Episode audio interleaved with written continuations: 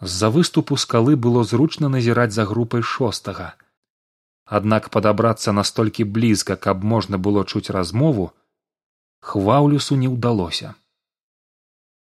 Той з якім яны гавораць гэта відаць піліп шэптам звярнуўся хваўлюс да жаўнераў. Добра разгледзьце яго і запомніце хваўлюс бачыў што размова там не складваецца і гэта вельмі здзівіла начальніка атрада агонь дагарае паспрабаваў памяняць тэму піліп я схаджу па дровы сказаў гіман і азірнуўся не варта клопату сядай не не я схаджу гэта ж не цяжка Ён падняўся і рушыў у бок недалёкага ляска. Баюся, ён там нічога не знойдзе, уздыхнуў піліп і звярнуўся да рут і яся. Моладзь, схадзіце вы па дровы добра. Зорачка, ты ведаеш, дзе іх збіраць. Яны падняліся і рут павяла яся ў бок супрацьлеглы таму, куды пайшоў гіман. Яны прайшлі праз кустоўе і патрапілі ў невялікі лес поўны сухастою. Дрэвы таксама засыхаюць уздыхнула рут. Не толькі людзі ну людзі ж не засыхаюць здзівіўся язь яшчэ як рут азірнулася на яго. Бачыш дзяўчына показала рукой на шэрыя ствалы дрэвы сохнуць без добрай вады а мы засыхаем калі ў нас няма надзеі. Язь заўважыў што яе позірк напоўніўся адначасова тугою і адвагай і яму здалося што яна сапраўды такая ж яркая і самотная як зорачка. Але немагчыма выдумаць надзею калі яе і сапраўды няма адказаў язь выдумаць самому вядома і немагчыма і неразумна. Надзею дае толькі ён хто ён нахмурыўшы бровы запытаў язь пра каго гэта вы ўсе тут зараз гаварылі? Ну як хто? Той каго мы ўсе чакаем адказала рут. Ну можа чакаюць не ўсе але я дакладна. Той хто вызваліць нас той хто дасць нам жывую ваду арыстах не ты што? Дык хто тады? Які ты смешны язь нічога ты не разумееш не не разумею ён гэта ён рут прамаўчала задумаўшыся. Я праўды не ведаю як табе патлумачыць. Зусім ты мяне заблытала зорач. Ён у час спахапіўся. Шчокі руд пачырванелі яна хуценька развярнулася і пайшла моўчкі збіраць сухія галіны. Язь таксама замоўк і заняўся працай у думках клінучы сябе за тое што незнарок назваў яе тым словам якім называў яе толькі блізкі чалавек ейны бацька. Ведаеш яшчэ што наконт надзеі сказала рут урэшце сабраўшы галлё і вочы яе заблішчэлі. Надзея трымае нас на шляху і яна не могучы паправіць рукамі пасмы валасоў што ўпала на яе твар проста здзьмула яе ясь не ўцяміў што яна хацела сказаць але ён зразумеў іншае. На рут як і на зорку доўга глядзець нельга. Пачынае кружыцца галава. Геман кіраваў да дрэваў. Менавіта праз гэты лясок яны праходзілі калі піліп вёў групу шостага сюды на плато. Калі хваўлюс атрымаў маё пасланне перад нашым адплыццём з балота ён павінен ужо быць тут думаў гіман. Лепшага месца каб схавацца і назіраць няма значыць яны мусяць быць у гэтым лесе. Ён ішоў наперад пільна ўглядаючыся ў зарасці. І вось калі быў ужо зусім блізка пабачыў ледзь заўважны рух. Хтосьці падаваў яму знак рукой. На ўсялякі выпадак гіман дастаў меч. Рука схавалася і ў цені дрэва паказаўся хваўлюс у гімана адлягло ад сэрца. Цяпер ён адчуваў сябе ў бяспецы. Ягоныя хаўруснікі тут можна не баяцца ён увайшоў у лес і ўбачыў што тут хаваецца цэлы атрад. Ну што гіман якія ў нас навіны? Хваўлюс быў відавочна ў добрым настроі навіны неблагія па першае тут сапраўды знаходзіцца піліп. Гэты дзядок? Так гэта ён. А камень? Пры ім. Цудоўна проста цудоўна а па другое ён не збіраецца далучацца да шостага і ягонага бунту. Раніцай група сыходзіць а бязмозглы стары застаецца так што заўтра ён ваш. Якая ўдача хваўлюс захіхікаў. А што вядома наконт канчатковага пункту? Дзе спыніцца група? Пакуль што стэфан маўчыць. Я пабойваюся ўжо ці не западозрыў ён чаго? Не перажывай падазраваць ён нічога не можа карацей як толькі стане вядома чакаем ад цябе наступную вестку. Мы заўсёды будзем дзесьці побач. Мы вас бачым вы нас не. Хай іх ліха не мяне. І хваўлю зноў хіхікнуў узрадаваны сваімі нечаканымі паэтычнымі здольнасцямі. Мне трэба яшчэ дроў назбіраць. Дык давай ідзі збірай. Пачаў прамаўляць рэчытатывам хваўлюс збірай збірай было бачна што ён хоча выцягнуць з галавы якую небудзь рыфму каб ужо канчаткова ўразіць усіх. Начальнік стаяў задраўшы галаву прыўзняўшы правую руку і прыадкрыўшы рот але рыфма не выцягвалася. Карацей ідзі і збірай! Ён махнуў рукой і разам са сваімі жаўнерамі схаваўся ў лесе. У зале ўладароў ішла нарада якую сабраў вормар акрамя яго з калідам тут былі начальнік войска начальнік сталічнага гарнізона а таксама кіраўнікі гарнізонаў найбліжэйшых гарадоў. Вайскоўцы як адзін казалі што трэба няшчадна пакараць усіх хто задумаў бунт але не маглі прапанаваць нічога канкрэтнага. Сябра вормар дазвольце мне слова сказаў калід. Мне так здаецца што нядзельнае свята трэба адмяніць чаму гэта табе так здаецца паглядзеў на яго вормар. Рэч у тым што святкаванне можа выліцца ў зусім непажаданае рэчышча з за таго што арыштаваць удалося далёка не ўсіх людзей са спісаў. Наадварот спакойна адказаў вормар мы пусцім іх у горад хай ідуць. Як гэта? Не зразумеў калід. Гэта просты але эфектыўны план. Мы запускаем іх унутр на плошчу усыпляем іх пільнасць а калі яны ўжо думаюць што ўсё ў іх ідзе як запланавана мы бяром іх усіх. Плошча вертагарда стане для іх пасткай. Пропускаць усіх у горад? перапытаў калід. Можа варта хаця б абшукваць правяраць у каго ёсць зброя? Нічога правяраць мы не будзем. Гэта можа выклікаць падазрэнні ў нашых ворагаў разумееш калід чым вышукваць ненадзейных грамадзянаў па ўсёй эферыі ў кожным горадзе лепш прыхлопнуць іх разам адным ударам. Але ж гэта можа быць рызыкоўна сказаў начальнік сталічнага гарнізона. Калі б я не рызыкаваў двадцать чатыры гады таму я б зараз не быў уладаром эферыі да таго ж вялікай рызыкі тут няма гэта звычайны разлік і цвярозая ацэнка сітуацыі.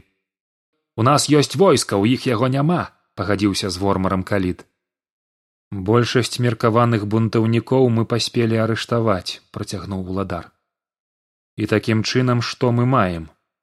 Некалькі соцень тых каго мы не арыштавалі ды яшчэ сякая такая колькасць дапусцім што яна была тых хто з нейкай прычыны ў нашыя спісы не патрапіў хай гэта будзе яшчэ тысячи дзве так прыблізна. Але і гэта ўжо нямала зноў сказаў начальнік гарнізона. Мы схаваем за плошчай у прылеглых вуліцах у дварах нашых жаўнераў працягнуў не зважаючы на яго рэпліку вормар. Іх будзе не менш за двадцать тысячаў. На дахах дамоў што атачаюць плошчу паставім найлепшых арбалетчыкаў і лучнікаў такога войска хопіць злішкам каб спыніць любую спробу закалоту. Асабліва калі для ворагаў наша падрыхтоўка стане непрыемнай нечаканасцю. Мудрае рашэнне схіліўшыся ў пашане перад вормарам сказаў калід. Геман вярнуўся да вогнішча з невялікім ахапкам дроў. Тут працягвалася размова рут і язь таксама вярнуліся піліп распытваў у былых вязняў пра іх зняволенне ў лагеры апавядаў пра тое як ён знайшоў прыстанішча тут сярод пастухоў як жыў гэтыя гады. Стала вечарэць. Ну што ж дзень заканчваецца прамовіў бацька рут. На сёння хопіць ужо і справаў і размоваў. Мы запрашаем вас да сябе пераначаваць. Калі ласка прыміце нашае запрашэнне дзякуй піліп сказаў натан ты заўсёды быў шчырым і добрым чалавекам. Дзякуй і вам.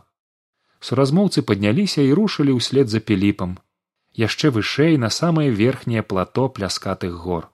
Яны ішлі праз завалы з валуноў ды зарасці нізкіх па плячо дрэваў перакручаных у вузлы. Па дарозе руд спынілася каля яркіх колеру марской хвалі кветак якія раслі паміж камянёў Яна ўзяла з шатра сваю невялікую пастухоўскую торбачку і цяпер дастала з яе некалькі маленькіх шаўковых ці то падушачак ці то пакецікаў што ты робіш запытаўся язь зараз пабачыш руд схілілася да кветак і акуратна апусціла ў іх пакецікі ноччу кветкі згорнуцца і прасыцяць мяшэчак сваім пахам а што ў мяшэчках? У іх трава якую можна запарваць кіпнем і рабіць настой цудоўнай смакаты. А калі яшчэ і пакласці яе на ноч у вось гэтыя кветкі то і рут радасна прымружылася але што тут казаць заўтра раніцай сам пакаштуеш рут паднялася і яны дагналі ўсіх. Дарога была нялёгкая але ўрэшце яны выйшлі на самае верхняе плато.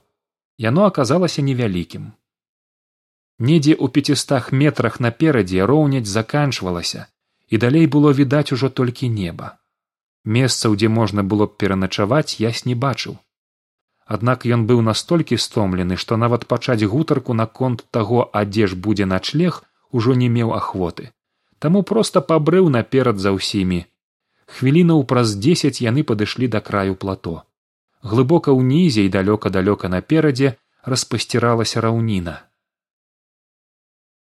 тут амаль што стромая скала прыгожае месца праўда?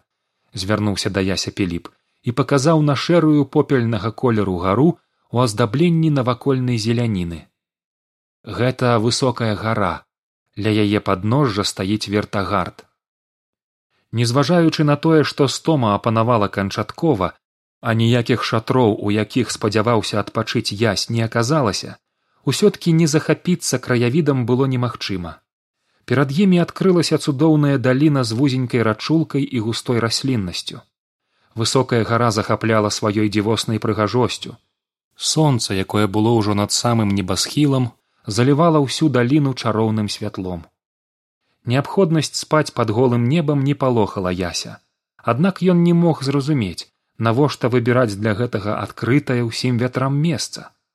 Язь скінуў торбу з пляча прысеў на камень ну што раскладзём вогнішча у мяне ёсць крыху лепшая ідэя з усмешкай сказаў піліп хадзем за мной.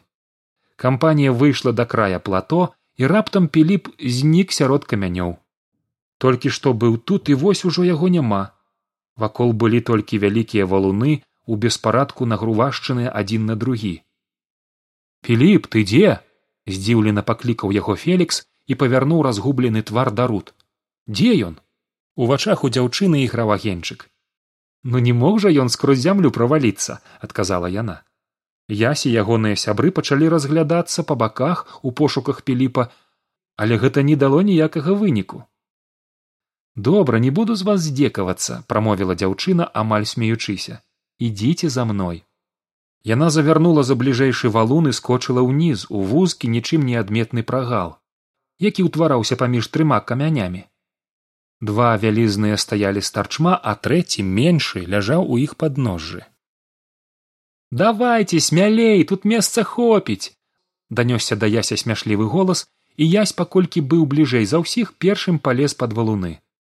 Праход аказаўся дастаткова шырокім тут стаялі піліпі рут а за імі там дзе гэты кароткі тунэль завяршаўся хлопец убачыў круглую светлую пляму сіняга неба.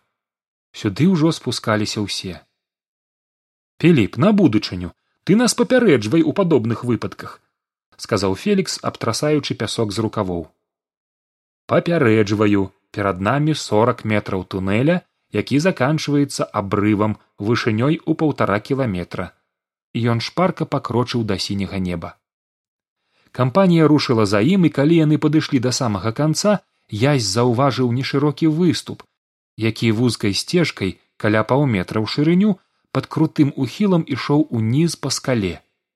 Піліп упэўнена ступіў на гэтую сцяжынку і пачаў пакрысе спускацца ведаючы дзе трэба ісці больш асцярожна і за які камень можна прытрымацца. Язь спускаўся стараючыся не глядзець у бок бяздоння. Ён падняў галаву і ўбачыў што над ім казырком навісае скала. Значыць з самога плато гэтую дарожку ўбачыць немагчыма яны прайшлі так некалькі хвілінаў пакуль перад вачыма яся не паўсталі дзіўныя домікі якія здавалася былі ўбудаваныя ў горную пароду. Некаторыя з іх часткова віселі над прорваю вытыркаючыся са скалы. Дамкі гэтыя адлівалі на сонцы шкляным бляскам. Язь быў у захапленні ад убачанага. Спачатку ён не мог зразумець якім чынам камусьці ўдалося размясціць гэтыя пабудовы тут ідэальнай кубічнай формы у паўтара чалавечых росты яны былі пабудаваныя ў самых як здавалася нязручных для будоўлі месцах. З чаго гэта зроблена не ўтрымаўшыся запытаўся язь гэта вялікія крышталі мінералу які называецца горны лёд адказаў натан. Хаця калі падумаць на лёд ён не падобны не растае затое добра паддаецца апрацоўцы тут адно з рэдкіх месцаў дзе гэты мінерал сустракаецца. Дарожка рабілася больш шырокай і ўрэшце каля самых дамкоў ператварылася ў даволі зручны выступ на якім можна было ўжо цалкам бяспечна стаяць. Піліп сказаў што яны могуць выбраць сабе па дому крышталю любы які падабаецца. Потым развітаўся са сваімі гасцямі і разам з руд той жа сцежкай падняўся на плато. Усе былі моцна стомленыя таму амаль адразу разышліся па дамках якіх тут было дастаткова. Язь таксама зайшоў у адзін з найбліжэйшых крышталёў. Дзвярыма служылі тоўстыя завесы зробленыя з карычневай воўны авечак. Ложак як і стол не перасоўваўся бо быў высечаны з горнага лёду. Знутры гэты аднапакаёвы дом здаваўся злёгку зеленаватым з за шэра зялёнага колеру саміх скалаў якія прасвечваліся праз сценкі язь лёг на ложак засланы мяккай коўдрай зробленай усё з той жа воўны. Ложак стаяў на той частцы крышталя якая выступала са скалы і пад сабой язь мог бачыць нізіну. Сонца напалову села за далягляд лёгкія аблокі былі афарбаваныя ў яркія пунсовыя колеры. Скрозь сцены дома гэтае відовішча здавалася яшчэ больш захапляльным. Язь адчуў што на душы ў яго стала крыху лягчэй але засынаючы ён зноў пачаў думаць пра тое што гэта не яго вайна. Вочы зліпаліся і перш чым заснуць канчаткова ён яшчэ раз убачыў неба на якім з'яўляліся першыя зоркі. Іх было добра відаць скрозь празрыстую столь і здавалася што сам горны лёд быццам павелічальнае шкло рабіў неба больш яркім і больш блізкім але ўначы роўна пасярод сну яго ахапіў незразумелы страх. Гэта не быў страх начнога кашмару ад якога хочацца прачнуцца чым хутчэй. Гэта было іншае вялікае моцнае трымценне да якога яся цягнула яму хацелася ўвайсці ў яго і паглядзець што будзе далей. Затым ён апынуўся ў лагодным мяккім святле яго напоўніў дзіўны супакой і лёгка ўздыхнуўшы ён нечакана прачнуўся навокал было зусім ціха на чыстым без аблокаў небе ззяў месяц. Ясю больш не ляжалася яму захацелася выйсці са свайго шклянога дамка. Ён выбраўся на вонкі знайшоў вузкую горную сцежку што падымалася на плато і асцярожна пакрочыў угару. Ён быў перакананы што апынецца на плато адзін і таму быў здзіўлены калі ўбачыў там чалавека відавочна аднаго са знаёмых піліпа які сядзеў ля распаленага вогнішча. Заўважыўшы яся чалавек па сяброўску усміхнуўся. Не спіцца? Угу я скіўнуў сядай ля агню цяплей язь падышоў і прысеўшы моўчкі глядзеў на агонь узгадваючы як яны з міркай калісьці распальвалі вогнішча ў вёсцы. Вы таксама пастух? Чалавек падумаў быццам падбіраючы словы каб патлумачыць ясю штосьці важнае. Не я не пастух я толькі служу яму а чаму вы не з астатнімі там унізе запытаўся язь разумеючы што ягонае пытанне атрымалася не зусім тактоўным. Але чалавек падкінуўшы галля ў агонь спакойна адказаў. Я як і ты выйшаў паглядзець на зоркі не я выйшаў проста так нават не ведаю чаму я выйшаў за гэтыя дні столькі ўсяго было што зараз спаць не магу хоць і марыў пра сон увесь апошні час. І што табе не дае спаць? Я спавагаўся ці варта распавядаць пра гэта незнаёмаму чалавеку але выглядала што той зусім не збіраўся з яго смяяцца. Незнаёмец паварушыў вогнішча кіем і ў неба ўзляцелі сотні яркіх залатых іскрынак. Я далёка ад дому і блізкіх мне людзей адказаў урэшце язь не буду тлумачыць але я сапраўды вельмі далёка вы наўрад ці можете ясь зноў спыніўся раззлаваны на сябе што адказ зноў прагучаў няветліва і незнаёмец можа пакрыўдзіцца. Выбачайце я хачу сказаць што вы не ведаеце горада з якога я прыйшоў. Незнаёмец уважліва слухаў і ясь вырашыў працягнуць. Усё не так як мне б хацелася. І тут і там дома. І што яшчэ горш усё навокал нейкае бессэнсоўнае зрэшты даруйце што вам перашкодзіў. Усё роўна ніхто гэтага не зразумее. Ясь змоўк і глядзеў на полымя якое адзінока дрыжала ад халоднага ветру. Чалавек зноў памаўчаў а затым адказаў. Паглядзі на неба ясь падняў вочы і не верачы сам сабе ўстаў. Увесь начны бяскрайні прастор неба быў засеяны спіралямі і аблокамі галактык. У яся захапіла дух ён як быццам бы апынуўся сярод пустаты і сярод паўнаты адначасова. Вакол сябе ён бачыў толькі неба нейкае вялікае новае зусім да трывогі блізкае. Усё іншае нібыта перастала існаваць аказалася далёкім і несапраўдным. Увесь сённяшні дзень кудысьці падзеўся. Быццам быў ён тысячу гадоў таму. Язь глядзеў у гэтую вечную бясконцасць не разумеючы што адбываецца але ў той жа час захоплена і радасна. Бяскрайнасць атачала яго ўжо з усіх бакоў. Нельга было нават зразумець ці ён стаіць ці ляжыць у гэтай прасторы. Ён проста быў тут. Ён мог бачыць адначасова безліч зорак якія яркім але нярэзкім святлом адна за адной запальваліся перад ім. А разам са святлом з'явілася і ціхая музыка і яна была такой непадобнай на тую што ён чуў у пустэльні. Ён адчуваў што ў яе быў зусім іншы аўтар. Нота за нотаю з'яўлялася музыка з глыбіняў і кожны гук напаўняў яся трымценнем. Яна была і ў ім самім і навокал яго. Гэтая музыка не навязвалася яму яна сама была свабоднай і шанавала свабоду яся. Ён паспрабаваў унутры сябе павесці мелодыю сам і музыка з радасцю згадзілася на гэтую спробу. І тады язь зразумеў што ён сутворца гэтай музыкі з кімсьці іншым вялікім і добрым невядомым яму.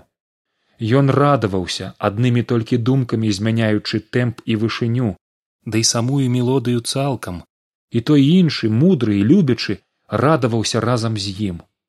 Ясь напаўняўся гэтымі гукамі з заміраннем сэрца глядзеў на безліч самых разнастайных галактык цудоўных у сваёй прыгажосці зорак ды яшчэ нейкіх іншых дзіўных з'яваў якія ён не змог бы апісаць бо іх не ведаў. Язь прымружыў вочы і слухаў музыку якая пакрысе цішэла аддалялася быццам развітваючыся але ў ёй не было суму. Калі яна сціхла зусім язь расплюшчыў вочы каля яго дагарала вогнішча прахалодны вецер гнаў аблокі асветленыя месяцам. Неба стала звычайным. Чалавека з якім ён размаўляў ужо не было. Ясь узняў галаву яшчэ раз паглядзеў на неба і пайшоў у бок падземнага ходу да вузкай хорнай сцежкі. Ідучы ён чамусьці узгадаў словы руд пра надзею якая трымае на шляху. Ён спусціўся да свайго крышталёвага дамка і лёг пад коўдру. У тую ноч язь заснуў самым салодкім і самым прыемным сном за ўсё сваё жыццё